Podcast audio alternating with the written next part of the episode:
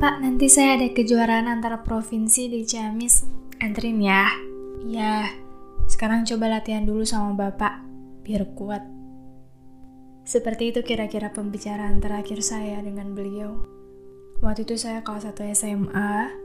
Untuk terakhir kalinya juga saya melihat semangat dan senyumnya yang kalau tiap senyum itu matanya seperti menghilang.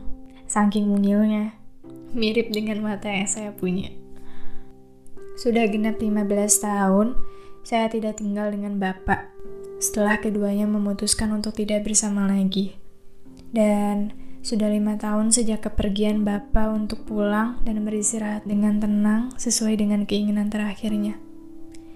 Dia bilang kalau katanya dia sudah tidak kuat, mau pulang aja. Dan ya, mungkin Tuhan sayang bapak. Saya jarang punya percakapan yang sangat intens dengan bapak sejak umur lima tahun.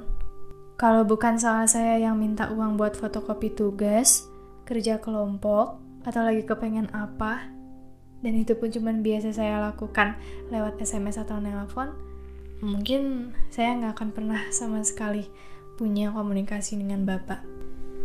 Semasa bapak hidup saya jarang tahu apa dia di sana lagi sakit atau enggak saya nggak pernah tahu perasaannya sehari-hari kayak gimana. Apalagi sedih, apalagi seneng. Saya nggak tahu kesukaan makanannya apa. Kebiasaannya sehari-hari gimana, saya kurang tahu hal-hal semacam itu.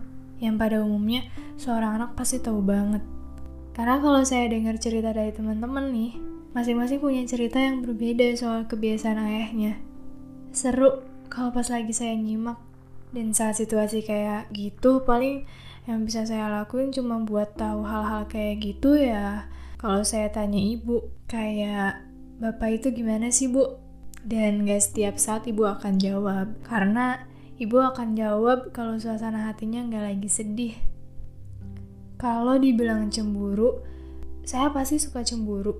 Kemudian terlalu banyak mengucap kata seandainya saja gimana ya rasanya saya ini adalah sebagian kecil dari manusia yang sedikit kurang bersyukur. Saya nih, kalau lagi kangen, saya selalu merasa paling sengsara. Saya selalu kayak, kenapa sih bapak perginya cepet banget?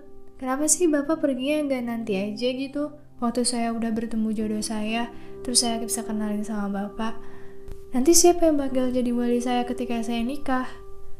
Kenapa sih Bapak nggak dikasih kesempatan buat nemenin saya tumbuh jadi anak SMA yang beranjak dewasa dan pengen dilindungi sama bapaknya sendiri? Dan masih banyak lagi kenapa-kenapa selanjutnya. Kalau dipikir-pikir egois sekali saya. Sangat tidak bersyukur sekali saya. Dulu saya punya cerita yang bikin saya sadar mungkin semua ayah di luar sana kayaknya seperti ini juga deh. Waktu itu saya masih kelas 5 SD, saya sakit sampai bapak jenguk saya ke rumah. Bapak tanya, kamu kenapa? Lagi mau apa? Pertanyaan lagi mau apa tuh udah kebiasaan tiap saya sakit. Karena biasanya saya sakit kalau pas lagi kepengen apa. Dan saya waktu itu inget banget, saya lagi pengen beli seragam baru, tapi saya nggak mau minta uang. Terus saya ngumpulin sendiri, sampai akhirnya nggak tahu deh kenapa saya tiba-tiba sakit Waktu saya jelasin itu, bapak saya langsung marah. Banget. Dia bilang kalau selagi dia mampu, jangan pernah maksain buat ngelakuin semuanya sendirian. Katanya itu buat dia sedih sekali. Kamu anak saya, dan kamu masih tanggung jawab saya. Hebat ya? Ya, dan saya rasa semuanya pasti pernah dan pasti punya perasaan yang sama. Kalaupun enggak, Percayalah kalau jauh dalam lubuk hatinya, ayahmu juga pasti ingin sekali buat kamu bahagia dan tidak kesusahan. Um, sosok ayah untuk seorang anak perempuan itu pasti sangat-sangat dibutuhkan. Dia ingin sekali nanti, ketika waktu itu tiba, waktu di mana seseorang akan datang untuk mengambil alih tanggung jawab kita sebagai putri kecil kesayangan ayah, nanti pasti akan ada momen si ayah yang akan ngasih wejangan untuk tolong jaga putri kesayangannya baik-baik. Itu tuh apa ya? Sedih dan terharu aja gitu. dan beberapa di antara kita pasti nggak bisa ngelihat momen itu dan nggak tahu rasanya bakal kayak apa sih. Dan itu nggak apa-apa kok. Saat kenaikan sekolah kelas 2 SMP, Bapak waktu itu kebagian tugas untuk ambil rapot saya.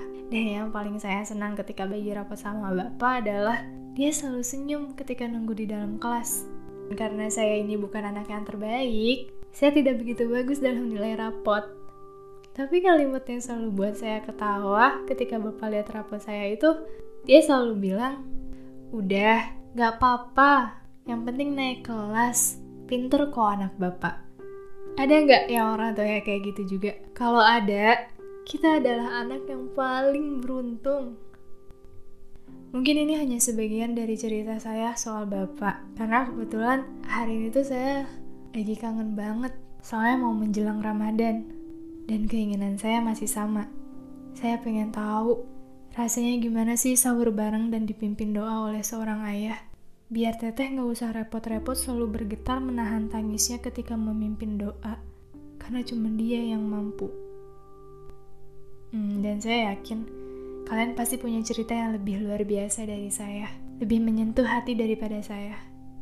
Untuk anak, jangan kamu rendahkan iya, tapi tolong dimaafkan jika berbuat kesalahan. Jangan membenci dan berasumsi sendiri, tapi cari tahu apa yang terjadi. Jangan merasa dibuang duluan, tapi masuk lebih dalam pasti masih ada rasa kasih sayang. Semua nggak mungkin tanpa alasan. Situasi yang kadang jadi permasalahan menjadikan ayah berbohong berkepanjangan, hanya untuk memastikan semua keluarganya dapat hidup tenang.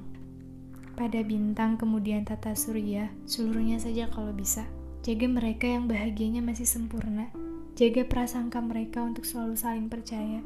Kurangkan lukanya bagi mereka yang menderita Temani mereka yang merasa hidupnya tak lagi sama. Buat mereka percaya kalau semua rencana akan berakhir bahagia. Dan juga untuk yang terakhir, salamkan rindu saya untuk Bapak.